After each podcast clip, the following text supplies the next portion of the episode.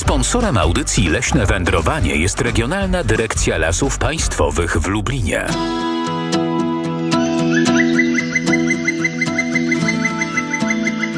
Leśne wędrowanie. Jeśli kred w listopadzie jeszcze późno ryje na nowy rok, rolnik wpadnie w bryję. No i chyba tak będzie, bo tyle kretowisk wczoraj widziałam, drodzy Państwo, że naprawdę trzeba było patrzeć, gdzie się nogi stawiono, bo można było wejść właśnie w taką kretowiskową bryję, jak pisze pan Stanisław Spuław, ornitolog, też jak zawsze, obserwacje ornitologiczne, nie tylko przysłowia, e, również prezentujemy od pana Stanisława Spuława. Jak tam u Państwa?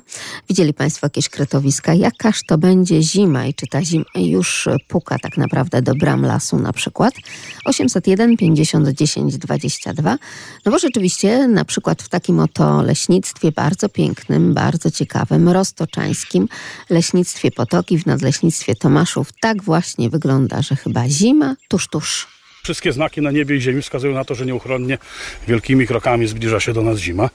Jak widzimy, opadły już liście, a w zasadzie znaczna ich większość. Temperatura znacznie spadła. Krótkie rękawki i luźne sweterki odeszły do, głęboko do szafy. Ubieramy się cieplej.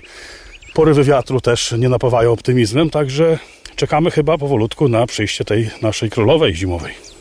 Kto czeka, ten czeka, a kto na przykład szykuje ciepłe swetry i opał do kominka, ten szykuje i sobie tutaj myśli, nie, nie, nie będę absolutnie wyściubiał nosa za drzwi, ale wierzę, że to nie państwo, że państwo też się zimy nie będą bali i będą jednak po tym lesie również spacerować i wędrować, no bo to wszystko samo dobre dla naszego właśnie zdrowia.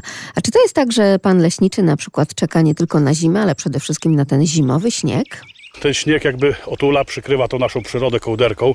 Bezpieczne są e, drzewka, które posadzimy e, wiosną lub jesienią. Zabezpieczone są od zgryzania przez zwierzęta leśne. Jest to taka naturalna bariera, kiedy te maleńkie drzewka są przykryte. E, nasze prace, które prowadzimy w aspekcie pozyskania drewna, wywozu, idą nam nieco łatwiej, gdyż gleba jest zamarznięta, nie uszkadza się powierzchnia gleby, nie uszkadzają się drogi wywozowe. Także ze wszech miar zima dla nas jest korzystna, aczkolwiek zima w łagodnym wydaniu. Oczywiście zima z trudnymi warunkami, z dużymi opadami śniegu, także i dla nas stanowi dużą przeszkodę. Plusy i minusy każdej sytuacji. Duże opady śniegu utrudniają nam poruszanie się w terenie, nam, leśnikom, ale także wszystkim innym mieszkańcom lasu, zwierzaczkom różnym. Utrudniają także zdobycie pokarmu, duże pokłady ale z drugiej strony wiosną mamy duży bufor e, świeżej wody, która powolutku nasiąka e, w glebę, powolutku nasącza nam e, tą glebę i na wiosnę rośliny mają bardzo dobry start, jeżeli chodzi o bilans wodny tej wilgoci. Na pewno w tych początkowych okresach wzrostu i tworzenia liści na pewno nie zabraknie. A leśnictwo Potoki, tak jak sama nazwa wskazuje, też kilka tych potoczków ma, więc dobrze by było, żeby one również zostały zasilone tym śniegiem z zimy. 21 listopada połowę zimy zapowiada, pisze jeszcze pan Stanisław Spuław. No, dziś dopiero 20, jutro 21, a zimy jakoś tak nie bardzo widać, zwłaszcza w tym tygodniu. No muszę państwu powiedzieć, że na przykład taki wtorek, no to był tak szalenie pięknym, ciepłym dniem w lesie, że no chciało się po prostu, nie wiem, leżaczek rozłożyć i opalać. Nie wiem, czy Państwo mają mm, podobne doświadczenie, ale to było coś niesamowitego akurat właśnie na terenie Nadleśnictwa Rozwadów. Tak sobie zapamiętałam, że było tak szalenie ciepło, że i szaliki, i czapki, wszystko trzeba było zdejmować, żeby się tym razem nie przegrzać. A jeśli chodzi o śnieg w zimie, no to nie tylko pan leśniczy z leśnictwa Potoki, nadleśnictwo Tomaszów, pan Piotr Borowicz, ale także pani leśniczy szkółkarz z nadleśnictwa Lubartów również czeka na śnieg zimą, tak jak podobno większość leśniczych szkółkarzy.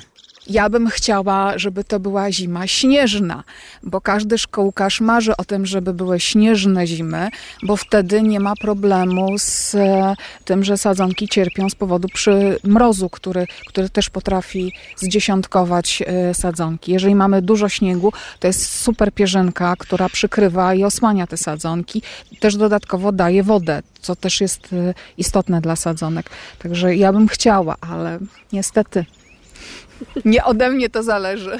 Mówi pani Sylwia Cebula, leśniczy szkółkarz z Nadleśnictwa Lubartów. No nie od niej to zależy, nie od niej, ale my obserwujemy i sprawdzamy, jak się ma ta pogoda do tych dawnych, tradycyjnych również przysłów pogodowych, gdy na świętą Cecylię grzmi, rolnik o dobrym roku śni.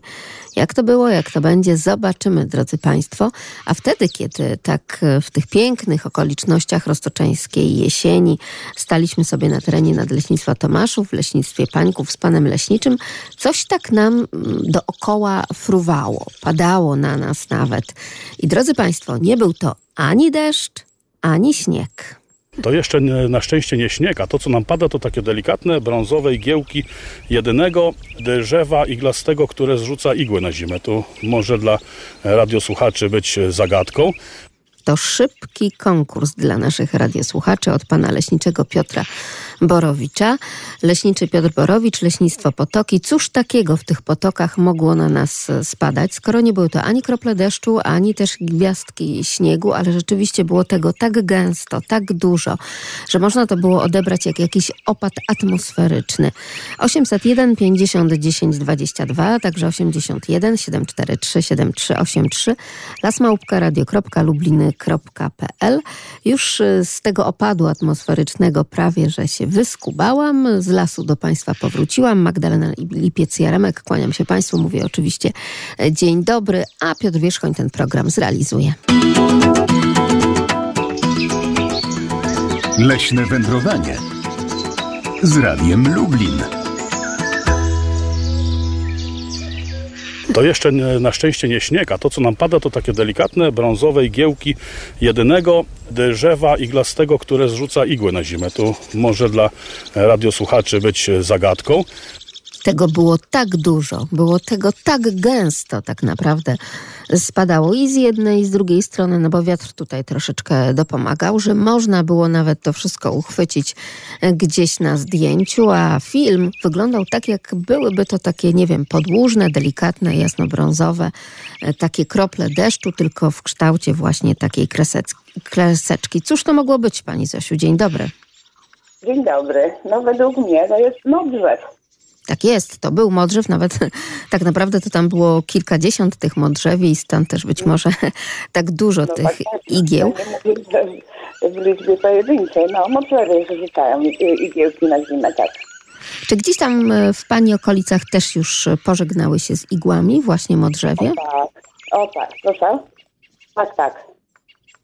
No bo to już chyba czas na to, ale taki niesamowity opad i zresztą znaleźć się w tym miejscu, w tej chwili, kiedy akurat wiatr strąca tej giełki z drzew, to było niesamowite doświadczenie, muszę Pani powiedzieć, No, dlatego... W ogóle modrzew to jest piękne drzewo, bo na, na wiosnę ma śliczne, zielonutkie igiełki i szyszeczki takie, no to jest kwiat modrzewy, no piękne jest drzewo modrzew. Tak, delikatne, to prawda. Są tacy, którzy bardzo, bardzo je kochają, a niektórzy niekoniecznie, no bo właśnie tak szalenie śmieci. Tak jak ta y, nasza choineczka, która gdzieś tam stojąca przy kaloryferze też już później wszystkie te igiełki pożółkłe zrzuca na dywan. To takie porównanie, no przecież przed tymi świętami, które przed nami tak naprawdę. Pani Zofio, a jak tam dzisiaj u Pani? Bardziej zima, czy jeszcze taka ciepła jesień? U nas w Białej Podlaskiej dzisiaj ładny poranek. Nie jest, to znaczy chmurki są, ale jest tak przejaśnia się i, i, i troszeczkę przebija słoneczko i no jest ładnie. No? Na, na te ostatnie dni codziennie było deszczowo, deszczowo, dżdżysto i chmury, a dzisiaj jest ładny dzień. Tak na razie. I niech tak Jest pozostanie. Dnia z rana, ale jest ładnie. Dobrze. Nie chwalimy dnia z rana, ale życzymy sobie, żeby tak właśnie pozostało. Dziękuję bardzo Pani Zofio. I jeszcze Pani Janina z Michowa. Cóż tam w Michowie? Dzień dobry. No, Dzień dobry. No, w Michowie podobnie jak u pani Zosi też słońce gdzieś chce się przebić za tych y, chmur. Wygląda tak rozjaśnia obłoczki, takie niebo takie właśnie jesienno, jesienno, typowe jesienne chmury, ale jakby chciały się jeszcze zamienić z tymi wcześniejszymi. A odnośnie modrzewia, to modrzew jest wbrew mm, tym drzewom wszystkim iglastym y, taki miły w dotyku, że tak powiem, no bo świerk y, to takie kujące ma te igły Natomiast modrzew to takie mięciutkie, a szczególnie na wiosnę, to w sumie jak te młode jeżyki mają też te igiełki takie jeszcze niezbyt, y, no takie, no znaczy twarde, no. A y, nie mają tyle, po prostu nie sprawiają tyle kłopotu, że tak powiem, w ogarnięciu tych liści, które spadają jesienią, jak z drzew liściastych. No ale y, za to, no, no coś za coś, prawda? Ale wiosną to są piękne. Piękna, piękna taka zieleń, y, delikatna. No a teraz to szyszki zdobią, jeszcze liści tych igieł nie ma, ale szyszki zdobią. No i jak się tak rzeczywiście e, rozpadną po całym tym y, otoczeniu, gdzie rosną, to nie zaśmiecają tyle jak te liście, ale nie nadają takiego uroku jak żółte, brązowe, czerwone te liście. Nie mają tyle właśnie y, no, no, satysfakcji, nie dostarczają kolorystycznej. No, każdy ma jakieś tam swoje charakterystyczne No tak, plusy i minusy. A jeśli chodzi o te liście, to mam nadzieję, że pani jako świadomy przyrodnik, bo tak mogę już panią z pewnością tytułować po tych Mhm. wszystkich pani wypowiedziach na antenie w audycji Leśne Wędrowanie, chyba nie usuwa wszystkich liści z ogrodu, prawda? Nie, ja to, ja to y, y, po prostu nagrabiłam, nagrabiłam i takie spore y, nawet, że tak powiem, kopczyki, no bo wiem, że to z natury potrzebne jest tym naszym jeszcze mniejszym braciom mniejszym, które tam znajdują schronienia. No i owady różne i ssaki drobne. Także mam działkę za Lublinem i tam to wszystko ogarniam, że tak powiem nie wyrzucając, y, a poza tym, poza tym no, te igiełki też dają jakąś próchnicę, nie są takie uciążliwe, a w, że tak powiem, no, w przejeździe czy, czy czymkolwiek. A teraz ostatnio jak był wiatr, to tak no, pozamiatał wszystko ładnie, czyściutko, że mm, nawet bez większego wysiłku dokończył ten, ten, ten właśnie proces sprzątania. Ale ja jeszcze wracając do jesieni, to nie jest taka jesień jeszcze jak, e, to tak niedawno sobie czytałam wiersze i Staw na przykład napisał o tym deszczu jesiennym, że ten dzwoni, deszcz jesienny. O szyby jesienny, tak. no właśnie, te dzwoni jesienny. I to no, był ten, ten dzień wczorajszy na przykład taki ponury, taki bez słońca, ale to, to nie taka jesień jak tam właśnie i ten deszcz taki opisany. Bardziej ten wiatr chyba dokuczał. No ale coś za coś. Yy, No nie wszystko jest takie jak było. Ja jeszcze mam modrzew taki yy, dekoracyjny, nieduży rośnie, ale zwisają te liście yy, i gałęzie na dół. I to też taka piękna jest po prostu mm, sformowana y, no, no, architektura powiedzmy, bo to takie całe zieleniutkie, pełno, pełno, pełno, tak jakby ktoś nautykał. Jak do bukietu w wazonie. Jestem sobie w stanie to wszystko wyobrazić. Cieszę Tak, się, że tak. pani nagrabiła nie sobie, tylko właśnie liści, chociażby Nie, tym właśnie. wspomnianych jeżykom. Nawet, Na nawet przykład. ostatnio to takie miałam patyki dłuższe, to też córkami poleciała mama, tylko tego nie wyrzucaj i żeby dla owadów zrobić takie powiedzmy domki, tam troszeczkę tych liści, troszkę jakiejś słomy, jakieś mniejsze, drobniejsze patyki i tam właśnie, żeby miały y, miejsce te owady różne, żeby też się Tak, mogły żeby w każdą dziurkę mogły się tam Mhm, zmieścić. Tak, tak, tak. Ja kiedy widzę te takie hotele dla owadów, Tak. to się zawsze zastanawiam, czy to sprawdza się, czy się nie sprawdza, jakie są Państwa doświadczenia, czy tam rzeczywiście jakieś murarki na przykład się pojawiają, bo podobno one to tak najszybciej, a reszta to może niekoniecznie chciałaby z takiego hoteliku Prawda się, bo- skorzystać. Bo ludzie na przykład kupują w miastach, widziałam też, yy, na balkonach są takie To ja wiem, że kupują, tak, ja wiem, ja wiem. I dekoracyjnie to wygląda, ale czy tam owady No. są, to zobaczmy, czy to jest tak jak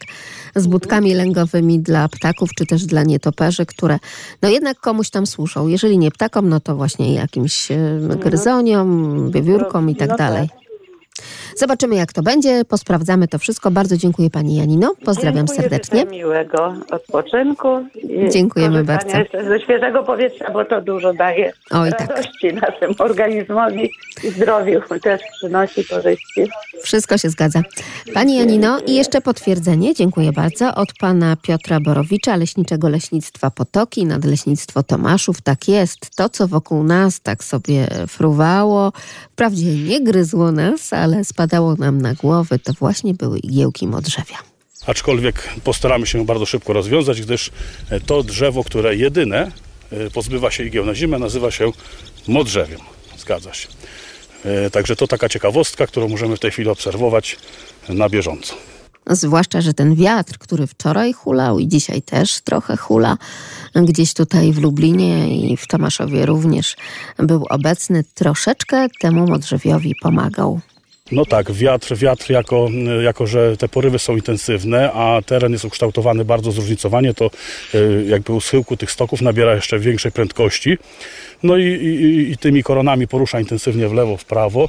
E, Można powiedzieć tak kolokwialnie otrzepując te korony z e, suchych już martwych listków. Przez to jakby jeszcze potęguje wrażenie swojej siły, bo przy dużych podmuchach wiatru widzimy jak wiele liści spada bezpośrednio na ziemię.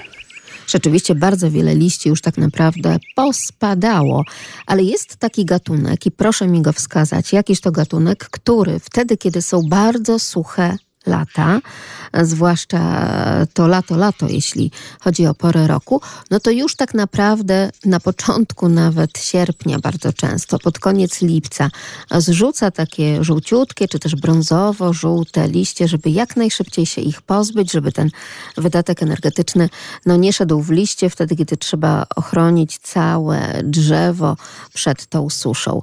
W tym roku tak nie było.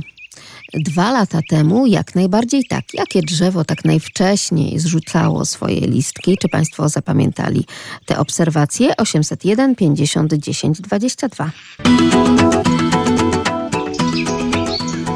Leśne wędrowanie z Radiem Lublin.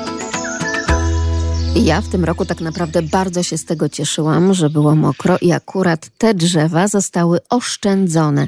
No bo cóż to za radość, kiedy jest się na wakacjach, kiedy tak naprawdę połowa wakacji, czyli rozpoczyna się sierpień, a tutaj nagle spoglądamy na takie jedno drzewko, którego jest całe mnóstwo właśnie gdzieś tam podczas tych wakacyjnych wypoczynków w Polsce i ono już wszystkie listki prawie pogubiło, pożółkło, no bo już musiało się bronić przed tą suszą.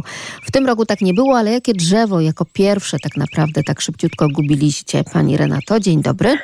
E, Dzień dobry, witam. No drzewa ukochane, piękne, y, typowe dla polskiego krajobrazu, zarówno pojedyncze, jak i rosnące właśnie w takich zagajnikach, czyli polskie brzozy. Wszystko się zgadza, tak, ale też pięknie poetycko pani o nich powiedziała, no coś jest w tym drzewie, prawda? Takiego urokliwe są. I nostalgicznego. teraz, nawet jak ta jesień już taka no, przedłużona, można powiedzieć, piękna, długo liście się trzymały. Yy, No bardzo urokliwe. Nawet jeśli zgubią y, liście i wiosną, zanim jeszcze się pojawią, to brzoza ma coś w sobie.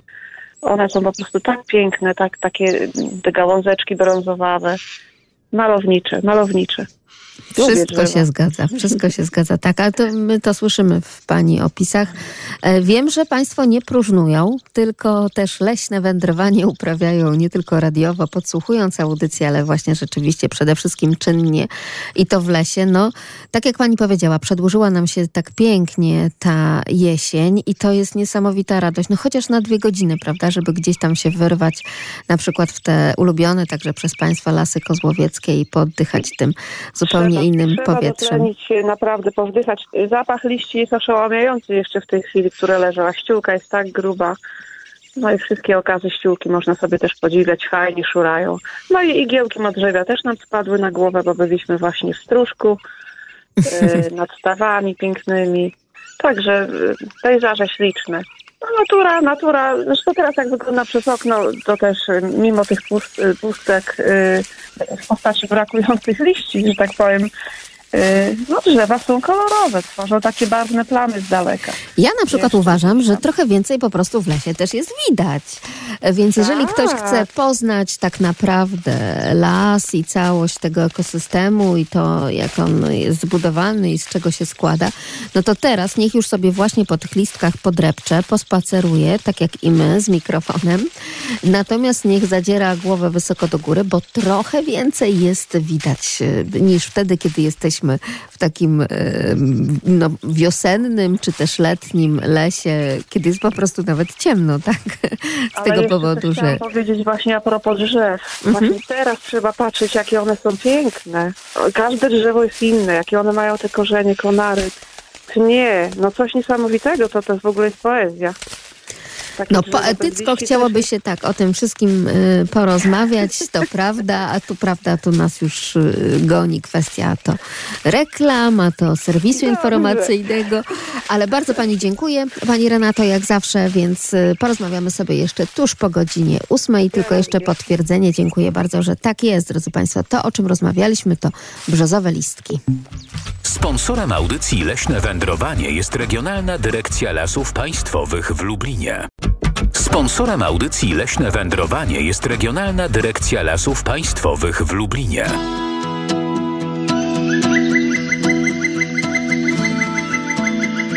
Leśne wędrowanie.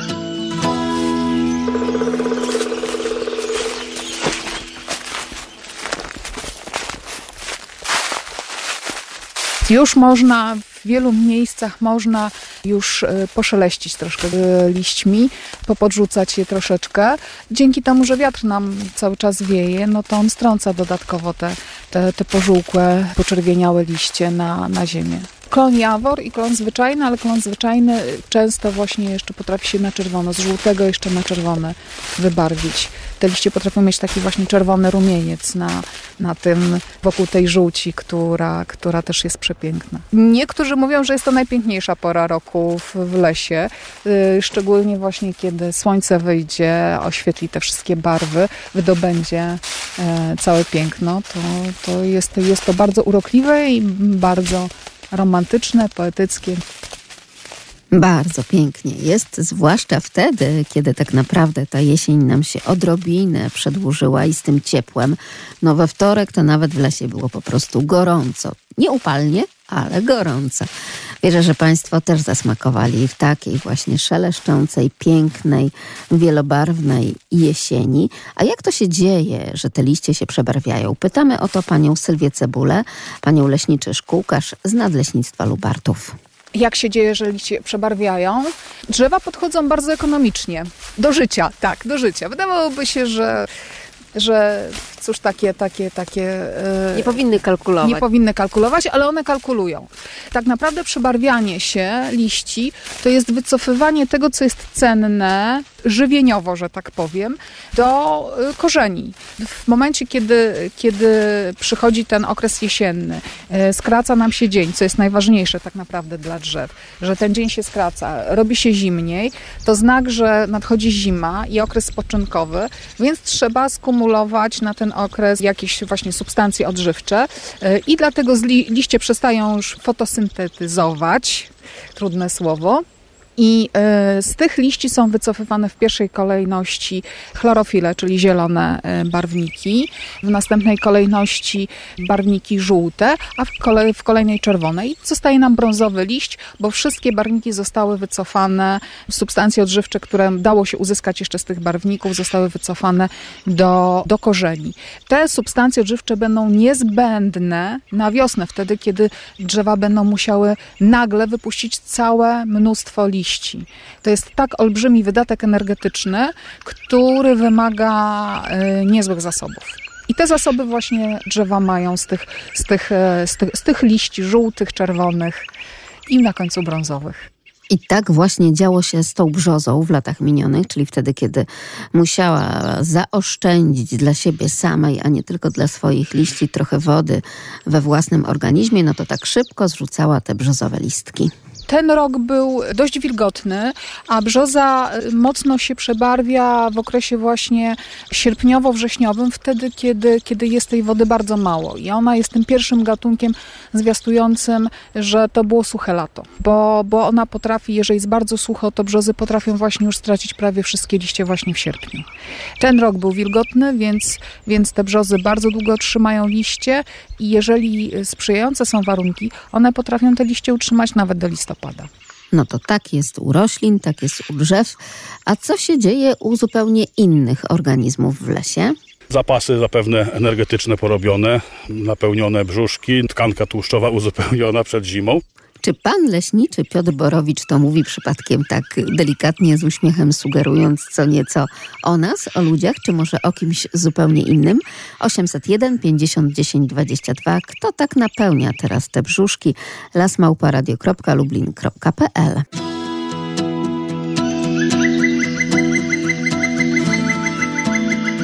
Leśne wędrowanie. Zapasy zapewne energetyczne porobione, napełnione brzuszki, tkanka tłuszczowa uzupełniona przed zimą. Kto to może być? Państwo wymieniają tak naprawdę no, większość dzikich zwierząt mieszkających w lesie, ale za chwileczkę pan leśniczy Piotr Borowicz troszeczkę Państwu e, podpowie i wskaże, o jaki gatunek tak naprawdę akurat w tym przypadku chodzi. Ale na początek jeszcze pani Feliksa. Dzień dobry. Dzień dobry, witam serdecznie wszystkich słuchaczy. Ja również posiadam przy swojej posesji brzozy, piękne brzozy, które liście niedawno rzeczywiście straciły. I chciałam powiedzieć, że wiatr mm, nie trzeba było specjalnie grabić, ponieważ wiatr zmiótł te liście pod brzozę i one będą właśnie służyły jakimś żyjątkom aż do wiosny. Jeżeli chodzi o zwierzęta, ja blisko mieszkam lasu, więc y, wszystkie te pory przyrody są mi bliskie. Niedawno właśnie oglądałam serię takich barw y, wieczorem przy zachodzie słońca. To jest coś no niesamowite, y, jeżeli chodzi o przyrodę. No takie po prostu kolorowe, kolorowa ściana lasu właśnie. To, to jest na, to naprawdę no, piękne rzeczy do oglądania. Ja przez całe lato, nie tylko ja, ale i moje sąsiadki, opiekowałyśmy się i opiekujemy się jeżami. Więc jeże rzeczywiście przychodziły na jedzenie. No w tej chwili już nie przychodzą. Siedzą sobie u mnie w budynku gospodarczym.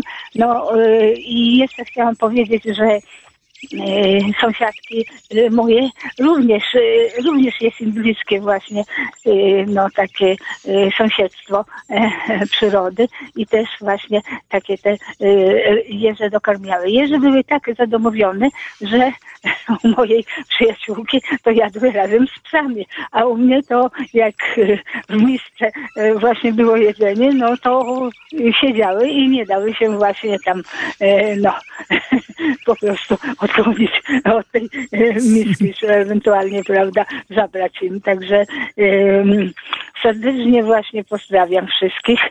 Bardzo dziękujemy. Dziękujemy Pani Feliksa za te świetne opowieści. Przyrodnicze również. Dziękuję bardzo z Pani strony. No, można się nawet uśmiechnąć, tak jak Państwo słyszą. W tych ciężkich, trudnych czasach, w jakich teraz żyjemy, potrzeba nam chyba takiej odskoczni, rozmów o przyrodzie i takiego przekazywania sobie tej życzliwości przyrodniczej z ust do ust. No dobrze, ale my powracamy jeszcze do naszego pytania konkursowego. Kto tak napełnia brzuszki? Czy to przypadkiem nie jesteśmy my, ludzie, na zimę? Czy może chodzi o kogoś zupełnie, zupełnie innego? Bo tutaj nie tylko pełny brzuch, ale i suknia zmieniona powoli z pięknego rudawego koloru przebarwiają się na taki kolor połowy, bardziej brunatny.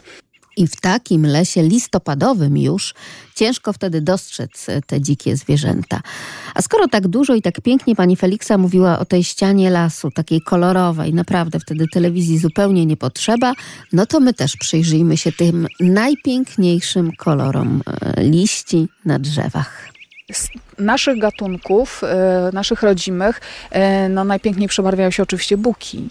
One potrafią, potrafią być aż ognisto pomarańczowe, żółte, czerwone, ale nie ustępują klony zwyczajne. E, klon zwyczajny e, potrafi się tak przebarwiać i są fragmenty, e, szczególnie gdzieś na ścianie lasu, gdzie zimne powietrze potrafi tak liznąć, że na jednym drzewie potrafią, potrafi być gałąź żółta, czerwona i zielona, co wygląda po prostu zjawiskowo ale też takim bardzo ładnie przebarwiającym się gatunkiem jest topolausika też te liście się przebarwiają, aczkolwiek dość szybko ona się wybarwia, przestaje ten kolor y, być widoczny. No i przecudnie się przebarwiają, już coraz rzadsze niestety w naszych lasach z powodu y, chorób, które nękają. Jesiony. One są tak piękne, słonecznie żółte. Ten kolor jest po prostu nieprawdopodobny. Listek jest, to jest liść złożony. Y, jeżeli ktoś kojarzy, jak wygląda liść złożony jarzębiny, czyli mamy długi długi ogonek i na tym ogonku są rozmieszczone równoległe małe listeczki. Tych listeczków jest z każdej strony po kilka, kilkanaście i zakończone, ten ogonek jest oczywiście na końcu też zakończony małym listeczkiem to jesiony, y, jesiony mają dużo większe takie właśnie listki na takim, na takim, na takim ogonku. Y, jesiony pensylwańskie, które zostały sprowadzone do, do Europy, ale też klony jesionolistne, często były sadzone wzdłuż dróg i teraz, szczególnie w okresie jesiennym, jak jedziemy, widzimy takie właśnie żółto płonące drzewa, to jest duża szansa, że jest to albo klon jesionolistny, albo jesion. Jaka szkoda, że teraz już, żeby zobaczyć taki piękny jesion, jesienią, no to trzeba sięgać do archiwalnych zdjęć internetowych, że coraz mniej tych jesionów gdzieś podczas naszych leśnych wędrówek, drodzy Państwo. Oby się to też odwróciło w przyrodzie, bo wiemy, że jakaś cykliczność następuje po sobie i może to także powróci, czyli te piękne jesiony powrócą również do naszego krajobrazu i do naszych drzewostanów. A my teraz jeszcze podpytujemy Państwa o te przygotowania do zimy. Zapasy zapewne energetyczne porobione, napełnione brzuszki, tkanka tłuszczowa uzupełniona przed zimą. A skoro od wewnątrz napełnione brzuszki, no to na zewnątrz jakiś ubiór zimowy. Powoli z pięknego rudawego koloru przebarwiają się na taki kolor połowy, bardziej brunatny. O kim mowa, panie Józefie? Dzień dobry. Dzień dobry panie redaktor i wszystkich e, radiosłuchaczy witam i służbę leśną. Tu chodzi o sarnę, bo one zmieniają swoje, ten kolor na zimowy. Tak, no bo tak jest. takie ich jest życie. Tak. Tak. A pan już zaobserwował, panie Józefie, że właśnie takie tak. nie, niezbyt brązowe te sarny, tylko takie brunatno-szare? Pani redaktor, by, widziałem, ale z daleka. Trudno było odróżnić tego. No. tak, no, no żeby kolor tak, zobaczyć, to trzeba jakąś dobrą tak, lornetką tak. sobie to tak, e, przy oczach. Tak, no bo zazwyczaj to widać tylko te białe lusterka, które skaczą jak uciekają, tak. prawda, gdzieś tam tak. z tyłu. Ale już coraz więcej mm, na polach tych żerujących saren, e, więc jest szansa na podpatrywanie takich całkiem sporych stadek, prawda? Tak. No, e, e, dobrze obserwuję sikorki, panie redaktor. O, już. A rozpoczął pan dokarmianie? Tak. Panie redaktor, oni muszą jeść może pierwsze niż ja śniadanie, bo tego. One potrzebują i dwa razy dziennie, rano i przed wieczorem tego, dokarmiam ich. Już mam y, więcej jak pół metra y, słonecznika nieuskanego, bo tylko ten y, słonecznik kupuję, a nie jakiś tam luskany lub tam jakieś koleczki, nie koleczki. Mam teraz dwa karmniki. Jeszcze sąsiadka mi się dołożyła, jak to mówiąc, no i tu i tu dokarmiam, bo nie mogę podzielić, że to jej, a to moje tylko razem ich dokarmiam. No. Oj, to bardzo dobrze, bardzo dobrze. E, państwo pamiętają, tydzień temu odwiedzaliśmy Rzeszczynkę księdza Roberta Bartosika, księdza proboszcza parafii w Rzeszczynce. E, księdza proboszcza, który ma naprawdę szeroki gest, e, przede wszystkim z racji pasji ornitologicznej i przyrodniczej, z wykształcenia leśnego, do przyrody, do ptactwa, ale także do swoich parafian i z okazji na przykład Dnia Świętego Mikołaja, czy też po prostu Świąt Bożego Narodzenia, no to prezentuje własnoręcznie wykonane mm, i budki lęgowe, i karmniki właśnie dla swoich parafian po to, żeby służyło to ptakom, ale też i żeby, no właśnie tak jak też i u pana Józefa, było na co popatrzeć i także uczy ich, jak należy tak świadomie i dokładnie i nie szkodząc dokarmiać, czyli również to nieuskane ziarno słonecznika, ale też taki tak zwany poślad zbożowy, zbożowy więc tutaj wszyscy są przygotowani i można to wszystko pogodzić e, równie pięknie jak u pana, panie Józefie. Bardzo dziękuję tak, za rozmowę. Dziękuję, do usłyszenia. Dziękuję i do usłyszenia. A my jeszcze mamy potwierdzenie od pana leśniczego Piotra Borowicza, leśnicze Leśnictwa Potoki, Nadleśnictwo Tomaszów już e, szatę e, swoją zmieniły sarny, już powoli z pięknego rudawego koloru przebarwiają się na taki kolor połowy, bardziej brunatny.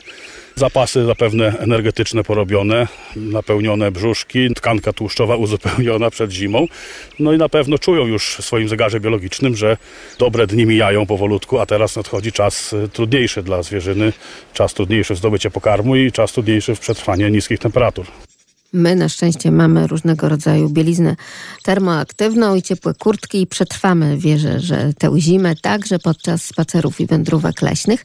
A skoro już wspominaliśmy odpowiednie dokarmianie ptactwa, odpowiednio także usytuowane karmniki, no to jeszcze powróćmy do księdza Roberta Bartosika, do parafii w Rzeszczynce. Czy parafianie to się w ogóle przyzwyczaili do tego, że mają księdza proboszcza ornitologa? Chyba się już wiernie przyzwyczaili prawda? Bo staram się promować, o tutaj trzymam nawet reklamówki z naszym ptakiem herbowym, czy Państwo wiedzą, jaki ptak jest ptakiem herbowym miejscowości Rzeszczynka w województwie lubelskim? To niedaleko Wisznic, bo tak jeszcze o to radiosłuchacze dopytywali. Tak jest, drodzy Państwo. Tam właśnie ksiądz ustanowił w Rzeszczynce ptaka herbowego. Jakiż to może być ptak? Ci z Państwa, którym pakowałam prezenty, to pakowałam właśnie także w te siateczki z tym wizerunkiem tego ptaka herbowego z Rzeszczynki. Nie wiem, czy już paczki dotarły, jeśli dotarły, no to można zerknąć i się zorientować, a jeśli nie, no to proszę jeszcze cierpliwie poczekać. Cóż to może być za ptak? Może o jakiś opis poprosimy księdza proboszcza ornitologa?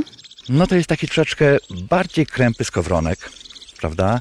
Jest to ptak południowy, a więc lubi ciepło. Z tej racji, że zniknęły takie naturalne stanowiska jakiejś hodowli krów, no koni nie ma, już nie ma mierzwy, prawda, końskiej, to no ginie. Ale tutaj akurat nazywa się Rzeszczynkę Mleczną Doliną, prawda, i dużo jest krów, ale w szczególności pociągać karma, która jest dla krów, prawda, zmielona kukurydza i ona jest właściwie tutaj dlatego częsta. No i dlatego tam jest taki właśnie ptaszek, ptak herbowy miejscowości Rzeszczynka, ale tak naprawdę nazywany śmieciuszką albo pośmieciuszką. Cóż to może być? 801 50 10 22, także lasmałparadio.lublin.pl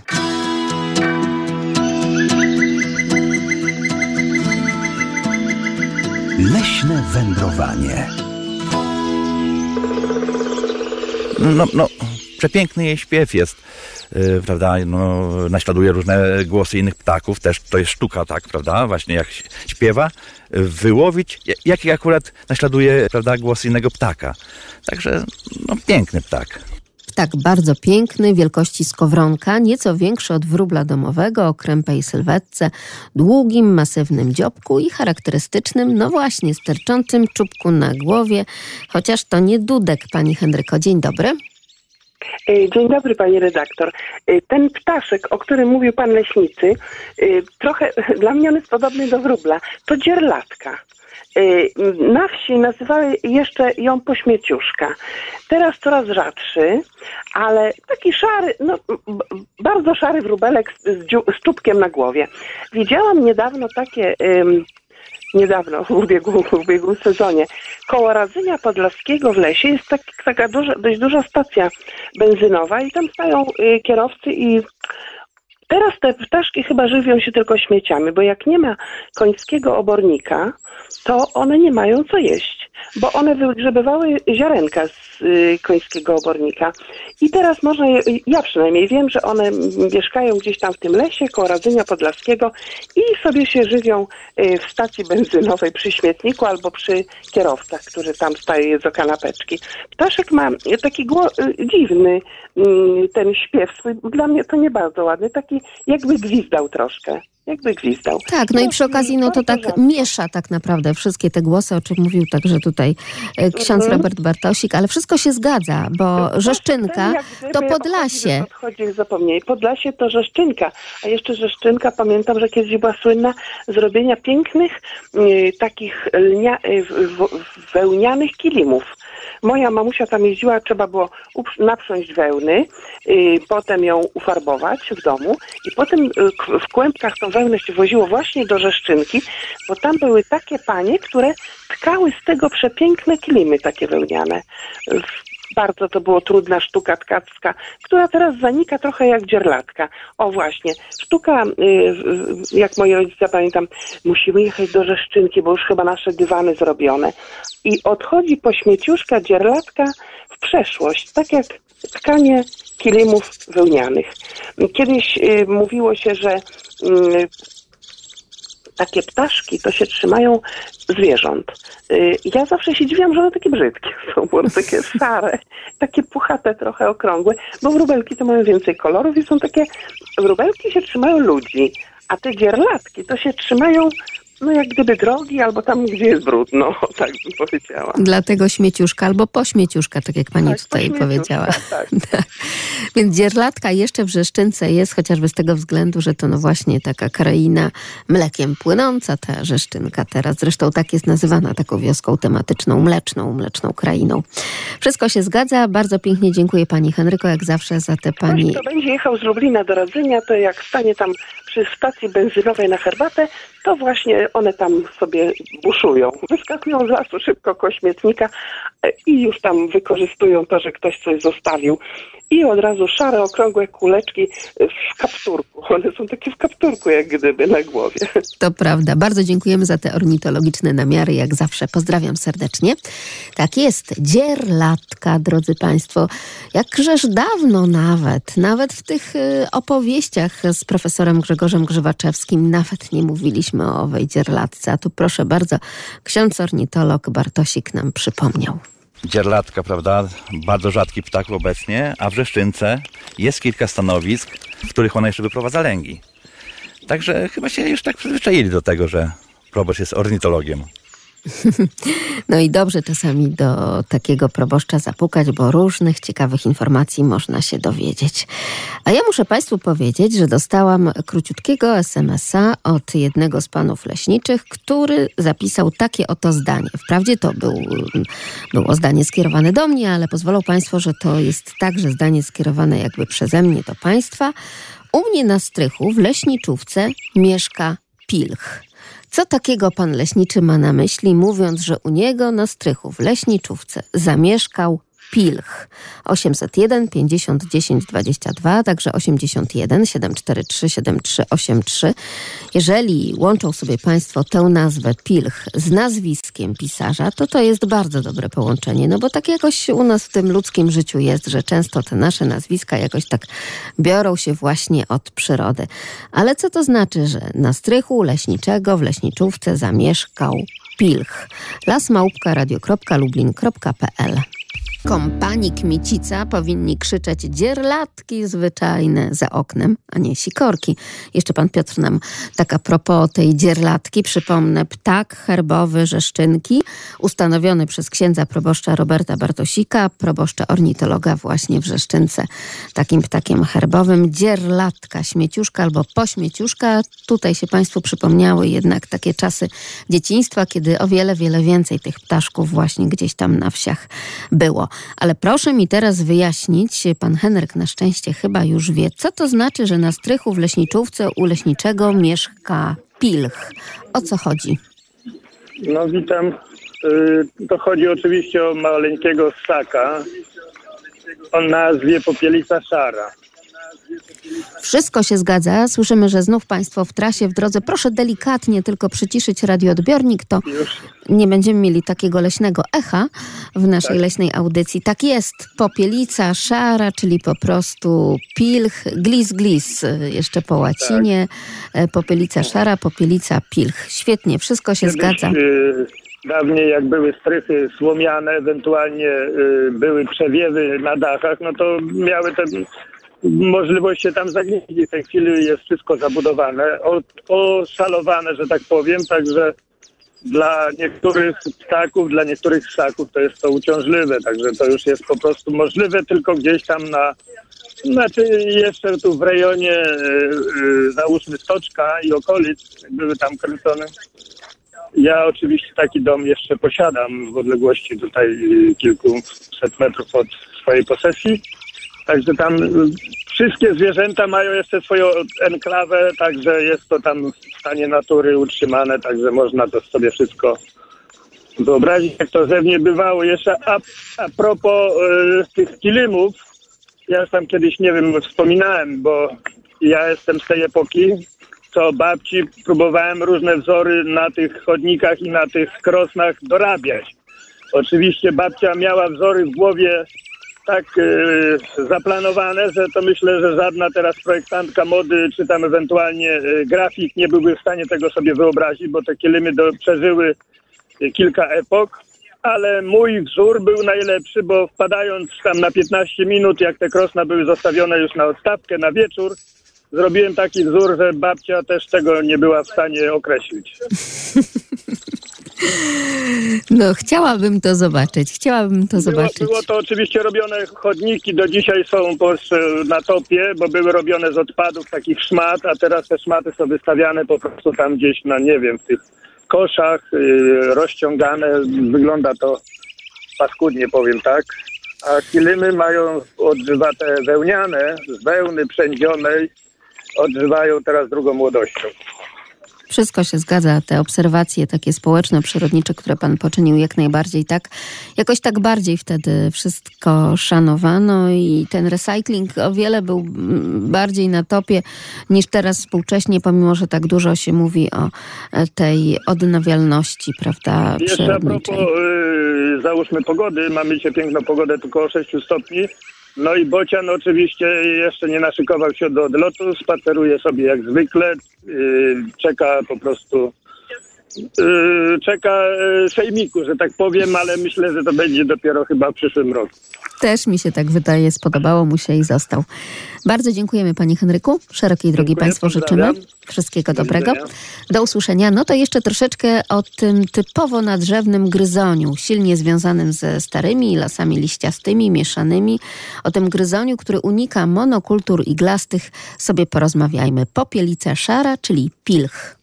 Ha, skąd się znalazła? Ogromne popielice są gatunkiem rzadkim, ale z moich obserwacji nie uważam, żeby to był gatunek bardzo rzadki, ponieważ my go obserwujemy rzadko, ponieważ on jest bardzo skrytym gatunkiem przede wszystkim. Kiedyś miałem okazję, tutaj też na terenie Lasów Janowskich, w lipcu bądź w sierpniu, będąc w lesie wieczorem, obserwować po prostu ruje tych popielic, więc na drzewach było ich całe mnóstwo. Po prostu na każdym drzewie była jakaś popielica, która się, one się ganiały między sobą i wtedy stwierdziłem, że naprawdę to nie jest rzadki gatunek. Było ich kilkadziesiąt sztuk. Więc obecnie myślę, że tutaj też ich jest dużo, tylko jest to bardzo rzadkie zwierzę. Często możemy je spotkać w jakiejś budce dla ptaków lęgowej. E, lubią też na jakichś strychach się osiedlać, w takich właśnie miejscach.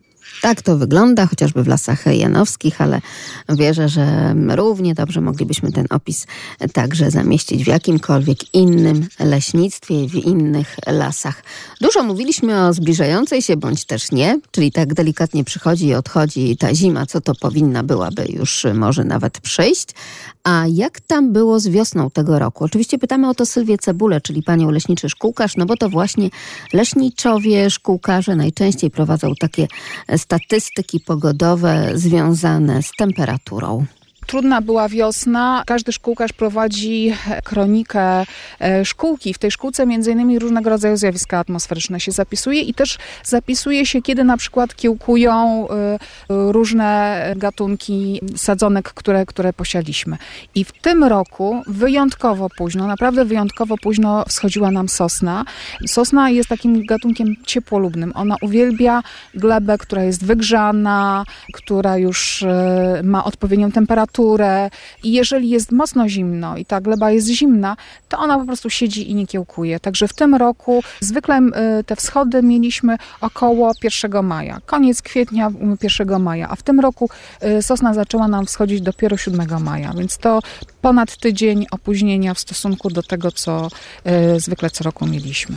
Oczywiście o to, jaka będzie kolejna wiosna i jaka będzie ta tegoroczna zima, już będziemy także podpytywać panią leśniczę Sylwię Cebulę, no bo wiadomo, że ona ma naprawdę ogromne doświadczenie i rozeznanie pogodowe. Dobrej pogody Państwu życzymy. Do wędrówek po lesie. Magdalena Lipiec-Jaremek. Kłaniam się. Do usłyszenia. Sponsorem audycji Leśne Wędrowanie jest Regionalna Dyrekcja Lasów Państwowych w Lublinie.